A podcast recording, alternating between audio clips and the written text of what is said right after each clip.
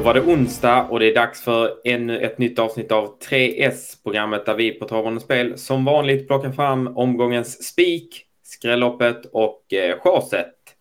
Eh, ikväll är det ju extra viktigt med de här rubrikerna för vi har ju 27 miljoner kronor att eh, spela om, eller det beräknas i alla fall vara det enligt ATG, i återrättspotten.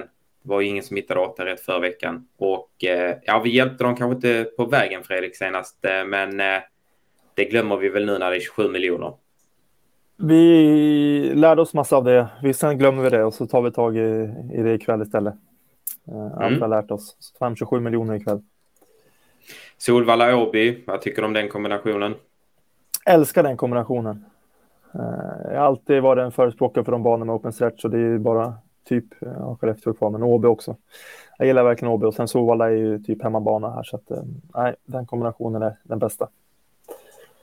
Vi får se hur mycket vi kommer in på banorna när det gäller våra rubrikhästar. Men eh, vi ska väl köra igång direkt, eller?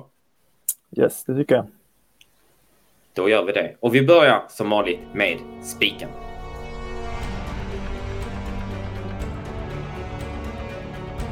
Vi börjar som sagt med spiken och vi är på Solvalla och vi har en viss Timo Nomos tränad häst. Eh, men eh, spelprocenten kanske inte indikerar att det är en Timo Nomos häst. Eller vad säger du om häst nummer fem, Excuses Moi V864, Fredrik?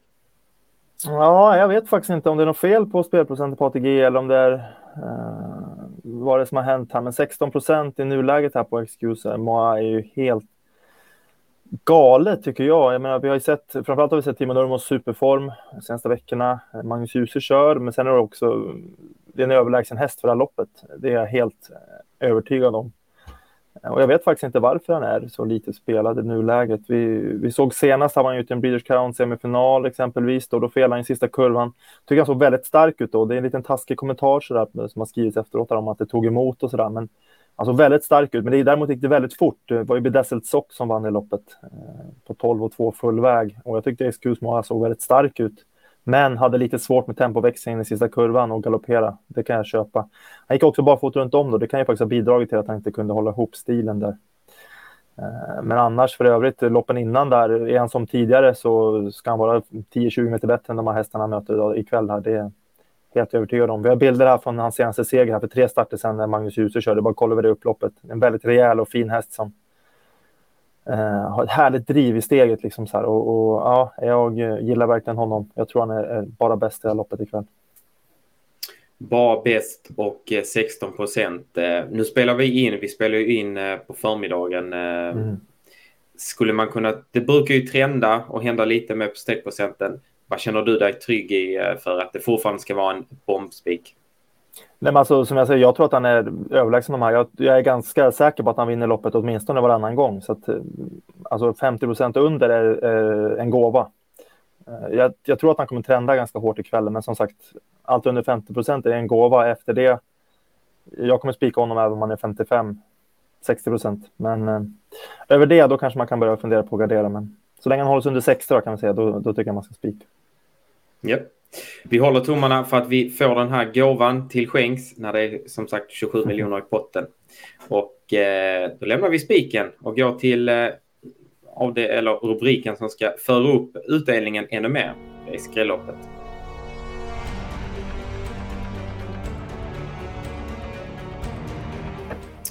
Skrälloppet, då har vi faktiskt kallblod, vilket, eh, ja det kanske inte känns eh, sådär vanligt när vi har kombinationen Solvalla och Åby att göra med. Men det är faktiskt på Åby också som kallblodsloppet. Vi är V86 3. Fredrik, ta oss igenom hur vi tänker här. Ja, det är inte alls så vanligt att vi får ett kallblodslopp här på, på Åby, men eh, det är en väldigt konstig proposition där till att börja med V863 tycker jag. Det är eh, de hästarna som står på start och de som står på 20 har tjänat i princip lika mycket pengar. Eh, och det är väl både för att de på start anmält snyggt och de på 20 meters tillägg har anmält ganska dåligt. Får man säga. De är precis över gränsen nästan allihop. Um, så att jag tror att man, de första sträcken man ska rita ner kan det kanske ska vara de på start här, framförallt om man letar skrällar. Så att ja, men det är rörigt med när det är liksom så mm, svår, svåranmält, eller svåranmält, men det är Ja, normalt sett tycker jag att alla hästar på start borde vara, slå dem på 20, men sen är det kallblod och mycket kan hända och det är många galopper och sådär. Så att, ja, det känns eh, skrälligt det här loppet. Mm, vi har en favorit här ju, eh, nu just från start, tre förlandspett som kommer med några raka segrar också.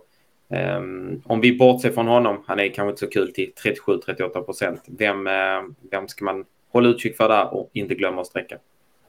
Nej, men jag tycker när jag kollar lite grann så där så tycker jag att nummer två Songs Basse ser eh, intressant ut faktiskt här. Han är anmäld barfota runt om. Eh, Mjölneröd tränar, står bra inne i det här loppet och Ingves är skicklig.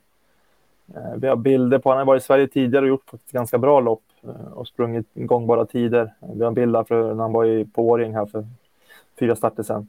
Han höll bra då efter att ha gjort grovjobb, så att, eh, det är en ganska tuff häst också. Och eh, ja, men får han en resa i främre träffen och barfota runt om så tror jag absolut att han kan eh, vinna det här loppet. 4 eh, på honom just nu är väldigt intressant. Ja, jag kan lägga till jag som jag pratade med Mjölneröd till det här loppet och han bedyrade faktiskt att två sångs Basse var hans bättre chans i loppet. Så att det kanske också man kan ta med sig när man ser streckprocenten. Ja, verkligen med tanke på att han själv har spelat 23 procent med hans andra häst. Så att um, då är 4 procent på den kanske som är en åtminstone lika bra chans, kanske bättre till och med. Väldigt bra såklart. Ja, vi sträcker på i V86 3 och eh, tar med eh, hästarna på start helt enkelt och eh, går vidare till sista rubriken och det är omgångens chast.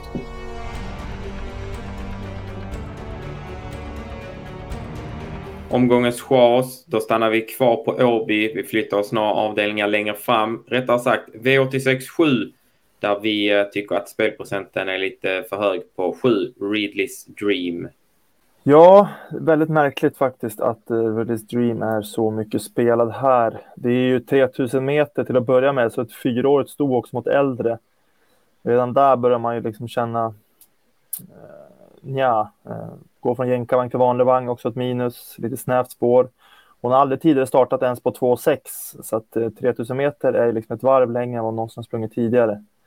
Eh, så att eh, egentligen bara på de sakerna så är hon överspelad här till 60 procent som hon är i nuläget. Jag tycker faktiskt inte alls att hon känns så het. Vi har en klar favorit i 11 Inimini Mini Mo DK. Um, ehm, ja, om man inte går på den så att säga, vad, vad rekommenderar vi i så fall? Nej, men, nummer åtta, Love No Pain, en häst som har varit hos Katja Melko tidigare bland annat och visat otroligt höga toppar och framförallt gått på långa distanser. Hon är ju otroligt stark men också har en väldigt vass avslutning. Eh, hon finns ju nu då hos eh, Thomas Malmqvist och gör tredje starten för honom. Eh, det här stoet liksom efter Love You, hon är tuff. Eh, vi har bilder här från senast, hon vann väldigt lätt här för Li Nimåker, eh, Love No Pain. Man ser att norska huvudlaget är oryckt också, det bara joggar ju mål där. Såg väldigt fin ut och ja, som jag sa, Love No Pain, hon har varit på topp tidigare eh, så eh, har hon visat väldiga fartresurser och styrka. Så att eh, hon står billigt in i den här klassen, framförallt över långdistans och bara ston emot. Så att eh, 7 på henne tycker jag är alldeles, alldeles för lite. Jag skulle inte ha sagt någonting om hon var favorit här faktiskt. Mm, intressant, helt enkelt. Mm. Vi, vi chasar sju Really Stream och eh, tar istället då åtta Love No Pain. Med det så ska vi summera eh, dagens 3S, en av de viktiga på länge då med tanke på jackpot-miljonerna. Och eh, vi på Travondens spel, vi spikar i V86 4 där vi går på icke-favoriten när vi spelar in, vilket eh, vi tycker är helt fel. Häst nummer 5, Excuses Moi. Skrälloppet hittar vi i V86 3 där vi gärna vill lyfta fram två sångs Basse. Och till sist har vi omgångens chas. Det är V86 7 där vi eh, chasar bort 7 Really Stream och istället lyfter fram 8 Love No Pain.